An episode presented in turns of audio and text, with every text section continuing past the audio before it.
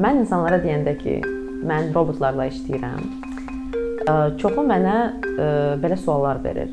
Robotlar dünyanı nə vaxt fəth edəcək? Robotlar Terminator formasında gələcəkmi?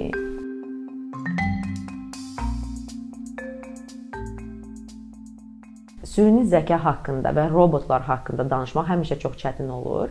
Çünki biz süni zəka deyəndə fərqli insanlar onların mövqeyindən asılı olaraq fərqli şeylər nəzərdə tuturlar. Kompüter elmləri nəzəriyyəsindən ə, e, baxsaq, biz onu deyə bilərik ki, zəif süni zəka var və güclü ə, e, süni zəka var. O nə deməkdir? Məsələn, siz bir ə, e, ə, proqram yarada bilərsiniz, alqoritm. Ə, bu süni zəka alqoritmi olacaq və ona öyrədə bilərsiniz şahmatı necə oynamaq lazımdır. Bu ə, alqoritm çox gözəl şahmat e, oynamağı öyrənə biləcək və oynayacaq. Amma bu sistem nə nəfəs almalıdır, nə yemək yeməlidir, nə axşam nə bişirəcəyini fikirləşməlidir, e, nə də e, nə isə həzm etməlidir. Bu sistem təkcə bir funksiyanı yerinə yetirir və təkcə bir vəzifəsi var: şahmat oynamaq.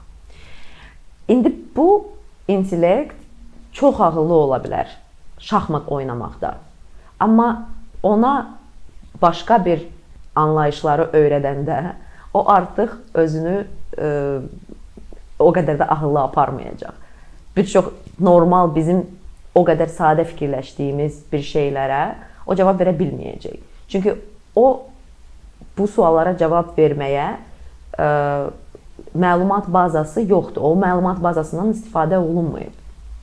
İndi biz güclü süni zəka ə, e, zəkadan danışanda biz ə, e, bir çox vaxt insana oxşar zəka fikirləşirik, nəzərdə tuturuq. İnsana oxşar zəka nəzərdə tuturuq. Niyə? Çünki bu ə, e, bizim tanıdığımız ə, və koqnitiv əqli və fizioloji funksiyaları bir yerdə yerinə eyni zamanda ə, yerinə ə, yetirə bilən və e, məlumat əsasında avtonom şəkildə qərara, nəticəyə gələ bilən varlıqlar təkcə insanlardır. Və ona görə biz bu e, süni zəkanı e, insan zəkasının modeli üzərində qurmuşuq. Amma o demək deyil ki, bu zəka əslində insan zəkasına gəlib çatır və ya nə vaxtsa gəlib çata bilər. Çünki biz özümüz də bizim beynimiz necə işləyir, fizioloji bizim funksiyalarımızı sona qədər başa düşməmişik. Biz özümüz başa düşmürük bir çox beyin funksiyaları niyə baş verir. Problem burada bu terminator, robotlar bizi qul edəcək kimi suallar niyə peyda olur? Çünki biz elə fikirləşirik ki, robot ya da ki hansısa alqoritm, Alexa, Siri, sonra ə, e, Safia robotu kimi belə robotlar və sistemlər bizi ilə insan kimi danışırsa, o deməkdir ki, onlar insan kimi də düşünür. Halbuki bu həqiqətdən çox uzaqda olan bir ə, e, şeydir. Bu alqoritmlər insan kimi fikirləşmir və insan kimi qərarlar, nəticələr çıxara bilmir. Biz bəşəriyyət olaraq çox maraqlı bir nöqtəyə gəlib çatmışıq. Bunu mən elektrik enerjisinin kəşf olunması ilə ancaq müqayisə edə bilərəm. Çünki elektrik enerjisi yaranandan sonra elə bil ki kompüterlər ya da ki bütün sistemlər elektrik enerjisini işləyən bütün sistemlər bir an içində yaranmadı. Onlar illərlə onların üstündə üzərində işlənildi fərqli insanlar dünyanın fərqli yerlərində başqa şeylər eləməyə başladılar oyuna və ondan sonra biz elektrik enerjisinin faydalarını maksimal ə, istifadə eləməyə başladıq. Məncə süni zəka haqqında da ə, bu metafora ilə fikirləşmək olur və o bizdən asılıdır. Onlar bəşəriyyətdən asılıdır. Onlar yaxşı ə, bir şeyə istifadə olunacaqlar ya da pis. Süni zəka, zəif süni zəka artıq hər yerdədir. Bizim telefonumuzun içində, bizim kompüterlərimizin içində hara biz hansı məlumatlar veririksə, o məlumatlar ə, hansısa alqoritmə gedib düşür. Biz hansısa ə, xidmətlərdən istifadə edəndə, məsələn, Google-dan, Facebook-dan, Google xəritələrdən istifadə edəndə biz ə, bu xidmətləri istifadə etmək üçün bu ə, kompaniyalara ə, məlumat veririk. Və bu məlumatlar ə, hansı məqsədlərlə istifadə olunacaq, biz bunları bilməliyik. Və burada problem yaranır. Çünki biz sona qədər ə, bilə bilmərik bu məlumatlar hara gedir və hansı məqsədlərlə istifadə olunacaq. Bu prosesdə hal-hazırda şəffaflıq yoxdur. İndi bu şəffaflıq məsələsinə biraz aydınlıq gətirmək üçün Avropada General Data Protection Regulation qanunu ə, qəbul olunmuşdu. Bu qanun ə, məlumatların ə, qorunmasının tənzimlənməsi qanunudur və bu qanuna əsasən hər bir vətəndaş ə, hansısa ə, quruma verdiyi məlumatları geriyə çəkə bilər ə, və unudula bilər. Ə, internetdə ya da ki hansısa məlumat bazalarında öz ə, özü haqqında ə, məlumatları, məlumatların olmaması hüququ ə, vardır o vətəndaşlarda.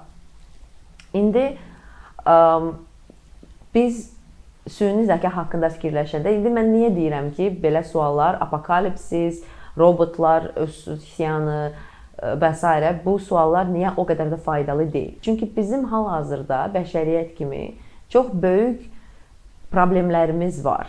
Bu süni zəka yaratdığı bizim üçün ə, çox böyük əslində o problemlər deyil, o suallardır. Çox böyük suallar var. Məsələn, hansı ə, güc dünyada süni zəkaya malik olacaq və bu gücün hansı motivlərindən, hansı maraqlarından asılı olaraq onlar bu süni zəkanı ona qarşı istifadə edəcəklər. Və biz hal-hazırda robotların ə, həyata gəlməsi, terminatorların bizi avtomatdan öldürülməsi haqqında danışmırıq. Bu bizim məlumatlarımız nəyə, hansı məqsədlərə işləyəcək? Bunları fikirləşməliyik. Və bu bu süni zəkaya malik olan güclər, onların motivləri hansılardır? Süni zəka da o motivlərə işləyəcək. Və ona görə də hansı sualları vermək məncə faydalıdır. Məsələn, mənim internetdə məxfiliyim ya da ki mənim internetə ya da ki hansısa quruma verdiyim məlumatlar hara gedir? Necə istifadə olunur? Hansı məqsədlərə istifadə olunur? Biz bu məlumatları Facebooka veririksə və Facebook sonra o məlumatları hansısa başqa bir üçüncü kompaniyaya satırsa və o məlumatlar əsasında pul qazanırsa, o deməkdir ki, biz Facebooka canlı olaraq 24 saat işləyirik. Belə çıxır ki, biz insanlar kimi bu süni zəkanı daha zəkalı eləyirik. Amma biz başa düşmürük bu süni zəka sabah hansı məqsədlərə istifadə olunacaq. Bu e, məqamlar hal-hazırda vacibdir. Robot üsyanı haqqında unudun. Robot üsyanı nə bu gün olacaq, nə sabah, nə 100 il bundan sonra ola bilsin olacaq, ola bilsin olmayacaq. O faydalı sual deyil.